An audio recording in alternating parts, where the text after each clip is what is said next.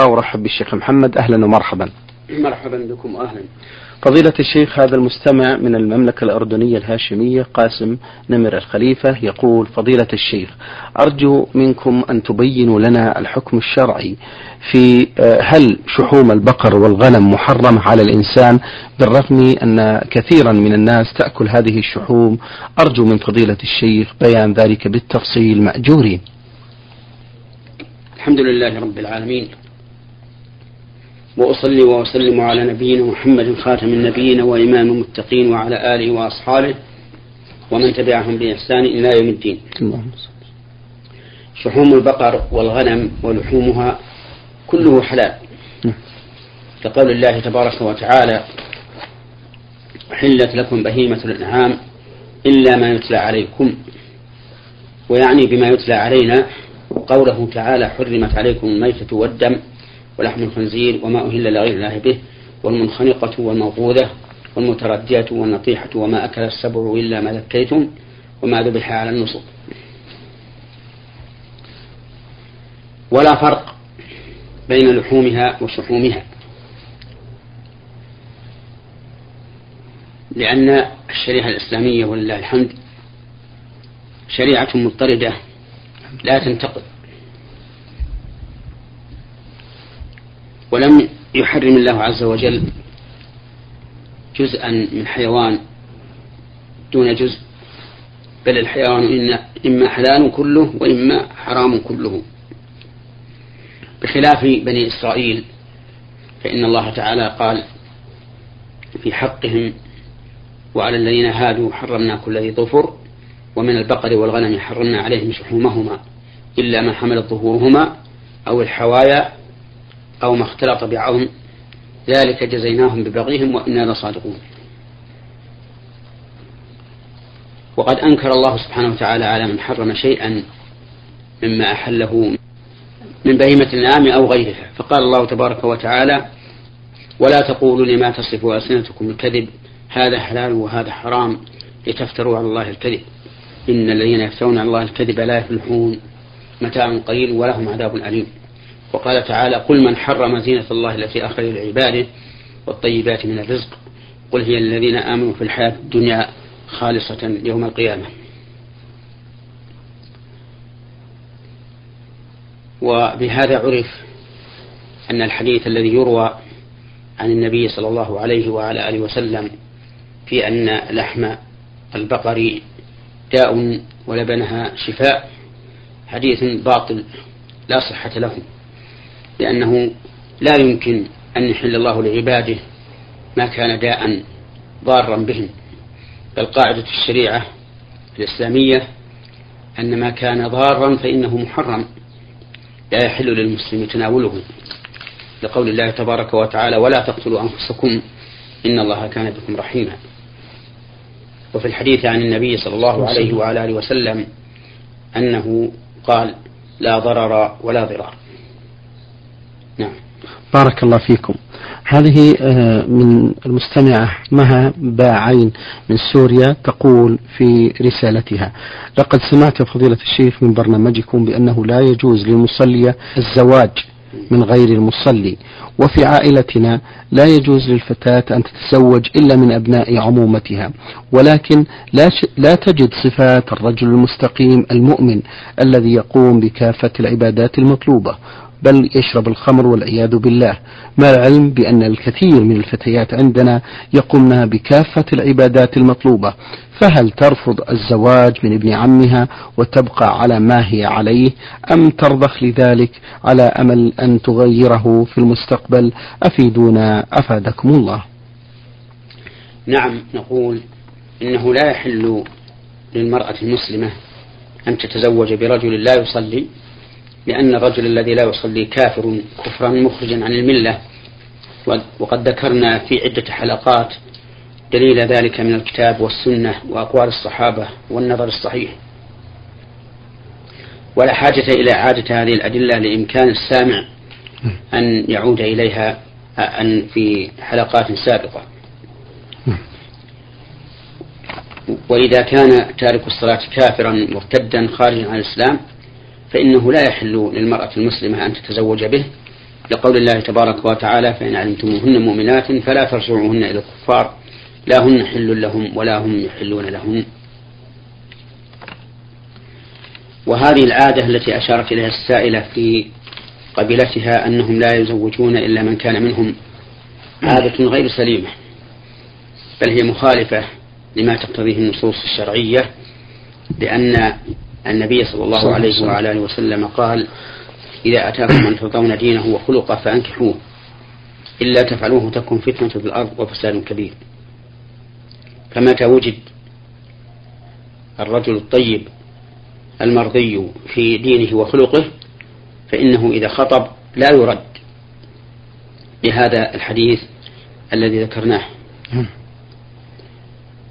وأما إذا خطب المرأة من ليس كفءا لها في في دينه بحيث يكون متهاونا بالصلاة أو شاربا للخمر أو ما أشبه ذلك من المعاصي العظيمة فإن لها الحق في أن ترده ولا تقبل النكاح به.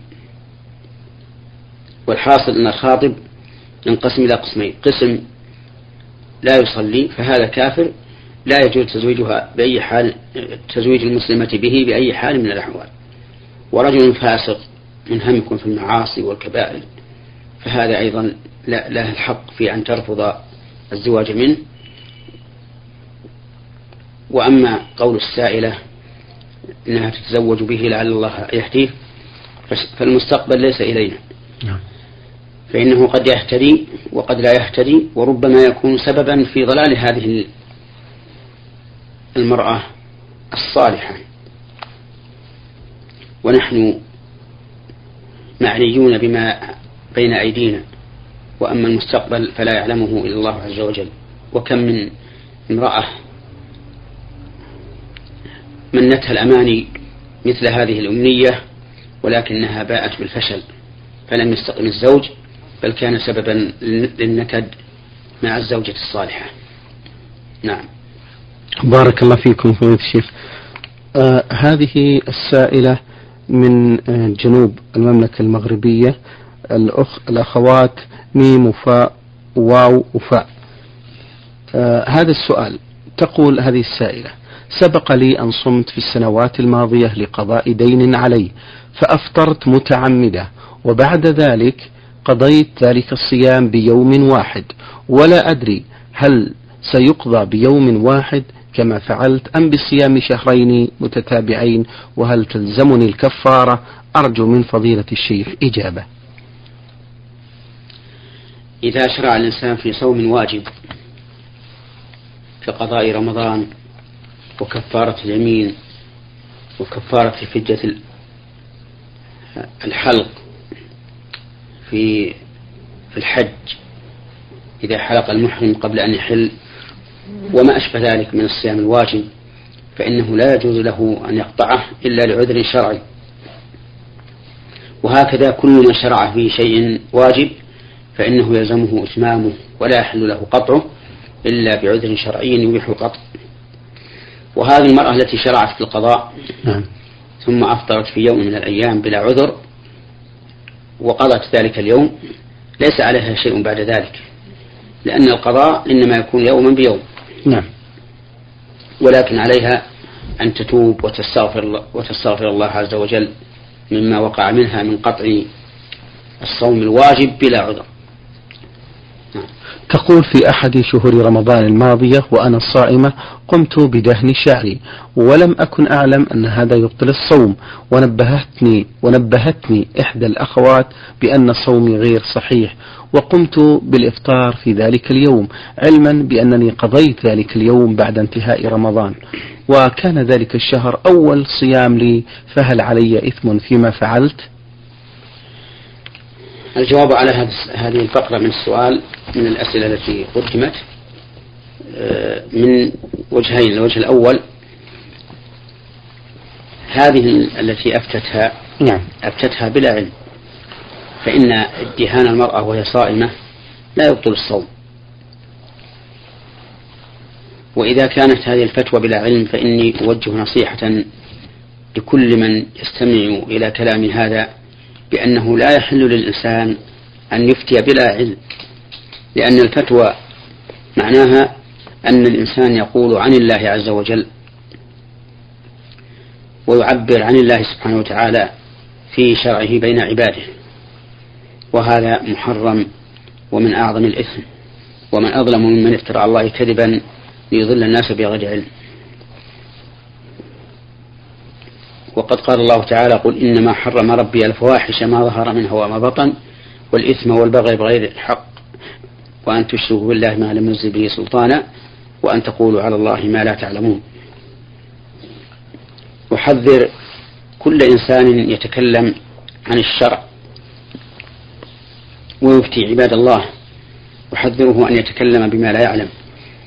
وأقول إنه يجب على الإنسان أن يتأنى في الفتوى حتى يعلم إما بنفسه إن كان أهلا للاجتهاد وإما بسؤال أهل العلم عن حكم الله في هذه المسألة.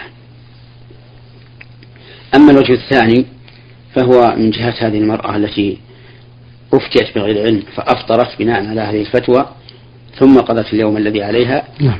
فإنه لا شيء عليها الآن لأنها أدت ما يجب عليها. نعم. بارك الله فيكم.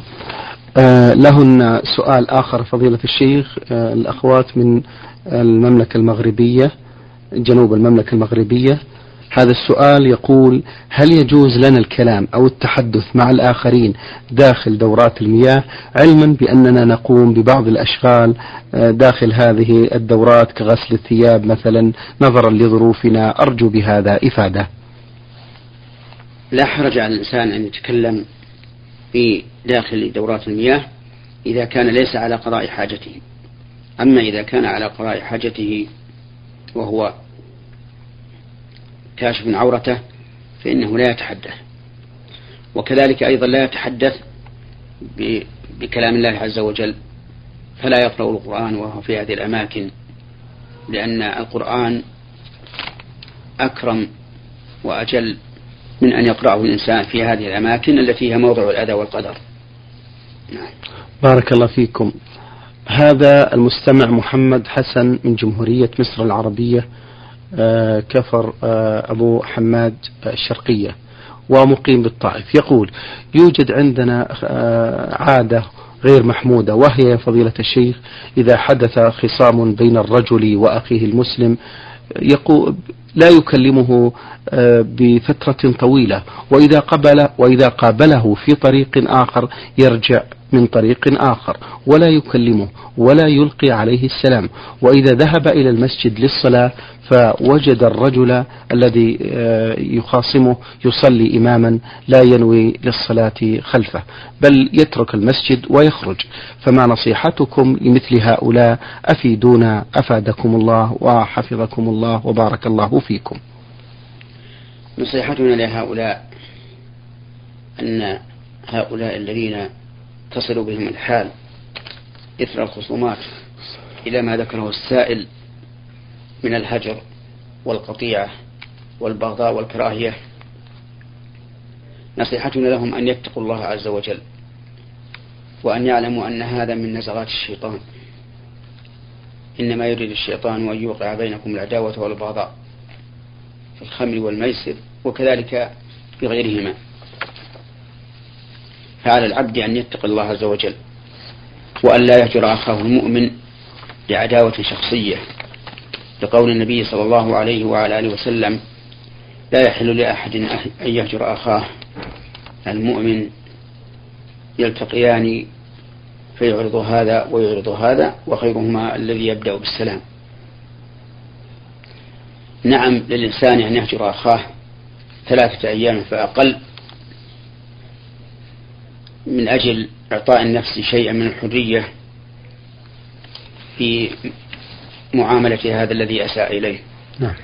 أما ما زاد على ثلاث فإنه لا يحل هجره إلا لسبب شرعي مثل أن يكون هذا الرجل معلنا بالمعاصي والفسوق فيهجر لعله يتوب إلى الله ويرجع إذا رأى أن المسلمين قد هجروه والواجب على العبد أن يصبر على طاعة الله وأن يصبر عن محارم الله وأن يضغط على نفسه في إقامة شرع الله عز وجل. حتى لو قالت له نفسه لا تصلي خلف هذا لا تلقي السلام عليه لا تكلمه إذا وجدته في طريق فانصرف إلى طريق آخر وما أشبه ذلك فليعص نفسه. وليقم بما أوجب الله عليه. وإذا علم الله منه حسن النية وقصد الحق فإن الله تعالى يعينه على ذلك ويخفف عليه الأمر. نعم. بارك الله فيكم فضيلة الشيخ. له سؤال آخر. فضيلة الشيخ يقول بأنه ذهب إلى الحج في العام الماضي. يقول وكانت نيتي أن أكمل مناسك الحج على أكمل وجه غير أنني رميت الجمرات في اليوم الثاني بعد صلاة الفجر. فوجدت الناس يرمون الجمرات فرميت مثلهم. ولكن سمعت من بعض الإخوة بأنهم يقولون رمي الجمرات بعد الزوال. و ونظرا لأنني لم أستطع الرمي مرة أخرى في هذا اليوم من الإرهاق والزحام فأفيدوني في حكم حجي مأجورين. آه، ما أفتاك به الأخوة من أنه لا يجوز الرمي قبل الزوال؟ في اليوم الحادي عشر وكذلك في الثاني عشر وكذلك في الثالث عشر فهو صحيح. نعم. لأن الرمي في هذه الأيام الثلاثة لا يدخل وقته إلا بعد الزوال. وعلى هذا فرميك بعد صلاة الفجر في غير وقته فيكون مردودا غير مقبول. كقول النبي صلى الله عليه وعلى آله وسلم من عمل عملا ليس عليه أمرنا فهو رد. وكان ينبغي لك أنهم لما أخبروك بأن رميك بعد صلاة الفجر غير صحيح ذهبت في آخر النهار أو في الليل نعم. فرميت.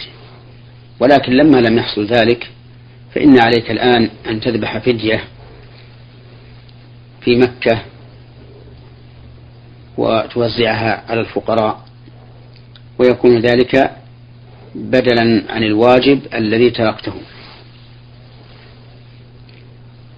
وإنني بهذه المناسبة أنصح أخي هذا السائل وسائر إخوان المستمعين أن لا يفعلوا العبادة إلا وقد عرفوا ما يجب فيها وما يحرم فيها حتى لا يتركوا واجبا ولا يقعوا في محرم وما أكثر الذين يحصل لهم خطأ في الحج. ثم يأتون إلى العلماء يسألونهم بعد ذلك وربما يكون قد فات الأوان ولا يمكن تداركه وكل ذلك بسبب أن الناس لا يهتمون في عباداتهم. أعني أن كثيرا من الناس لا يهتمون في عباداتهم بل يخرجون مع هذا مع هذا العالم ويفعلون كما يفعل الناس وإن كان على جهل وحينئذ يندمون. فأنت إذا أردت أن تعبد الله تعالى على بصيرة فتعلم أحكام العبادة التي تريد أن تفعلها قبل أن تقوم بفعلها حتى يكون فعلك مبنيا على أساس صحيح. نعم. بارك الله فيكم. أبو سعيد من حضرموت له هذا السؤال. يقول فضيلة الشيخ ما معنى هذا الحديث؟ قال صلى الله عليه وسلم الذهب بالذهب والفضة بالفضة والبر بالبر والملح بالملح يدا بيد سواء بسواء فمن زاد أو استزاد فقد أربع أو كما قال صلى الله عليه وسلم في الحديث السؤال هو هل إذا اشتريت بر أو تمر يشترط علي أن أدفع القيمة في الحال لأن لأنه في حديث آخر يقول إذا اختلفت هذه الأنواع فبيعوا كيف شئتم إذا كان يدا بيد. أرجو توضيح هذه المسألة بأدلة واضحة حتى نفهم الجواب ولكم الشكر. الأمر كما قال الأخ السائل نعم. وهو أن النبي صلى الله عليه وعلى آله وسلم قال الذهب بالذهب والفضة بالفضة والبر بالبر. الشعير بالشعير والتمر بالتمر والملح بالملح. هذه ستة أشياء. نعم. مثلا بمثل سواء بسواء يدا بيد. فإذا اختلفت هذه الأصناف فبيعوا كيف شئتم إذا كان يدا بيد. طيب. وتفصيل ذلك أنك إذا بعت برا ببر وجب عليك أمران. الأمر الأول التساوي في المكيال بأن يكون كيلهما سواء. والأمر الثاني التقابض قبل التفرق. لقوله مثلا بمثل سواء بسواء يدا بيد. نعم. وإذا بعت برا بشعير وجب عليك أمر واحد وهو التقابض قبل التفرق. ولا تجب ولا يجب التماثل لاختلاف الجنس. وهذا معنى قوله فإذا اختلفت هذه الأجناس فبيعوا كيف شئتم يعني بزائد أو ناقص إذا كان يدا بيد. وإذا بعت ذهبا بذهب وجب عليك أمران التساوي في الميزان والتقابض قبل التفرق. وإذا بعت ذهبا بفضة وجب عليك أمر واحد وهو التقابض قبل التفرق وأما التساوي فلا يجب عليك. بقي ما لو اشتريت برا بذهب. نعم. فإن ظاهر الحديث أنه لا بد من التقابض قبل التفرق. لقوله صلى الله عليه نعم. وسلم فإذا اختلفت هذه الأصناف فبيعوا كيف شئتم إذا كان يدا بيد.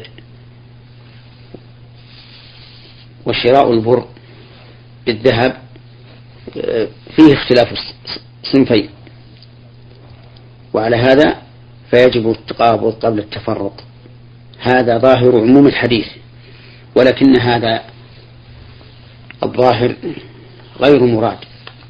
فإنه قد ثبت عن النبي صلى الله عليه وعلى آله وسلم جواز السلم في الثمار وهو أن يشترى من الفلاح تمر بدراهم منقودة مع تأخر قبض التمر. قال ابن عباس رضي الله عنهما قدم النبي صلى الله عليه وعلى آله وسلم وهم يصرفون في الثمار السنة والسنتين. فقال صلى الله عليه وعلى آله وسلم من أسلم في شيء فليسلم في كيل معلوم في كيل معلوم ووزن معلوم إلى أجل معلوم. ففي هذا الحديث نص صريح على جواز شراء التمر المؤجل بنقد بنقد معجل. وعلى هذا فيكون هذا النص مقدما على ظاهر العموم في الحديث الذي ذكرناه وهو قوله صلى الله عليه وسلم إذا اختلفت هذه الأصناف فبيعوا كيف شئتم. هذا السائل فضيلة الشيخ من السودان يقول فضيلة الشيخ نعلم أن الرسل معصومون من الخطأ. هل هم معصومون من الخطأ في التشريع فقط أم في كل الأمور؟ الأنبياء والرسل عليهم الصلاة والسلام يتكلمون بوحي الله سبحانه وتعالى. وهم معصومون من كل خطأ يخل بصدقهم وأمانتهم.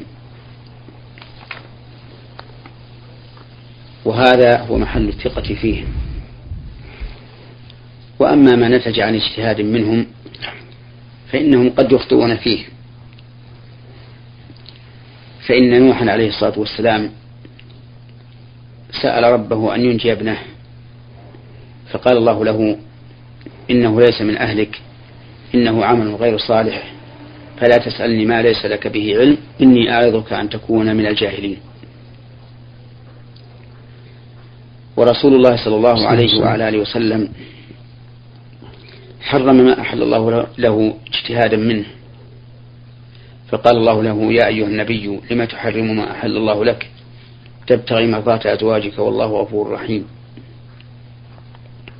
قد فرض الله لكم تحلة أيمانكم وعفى عن قوم استأذنوه.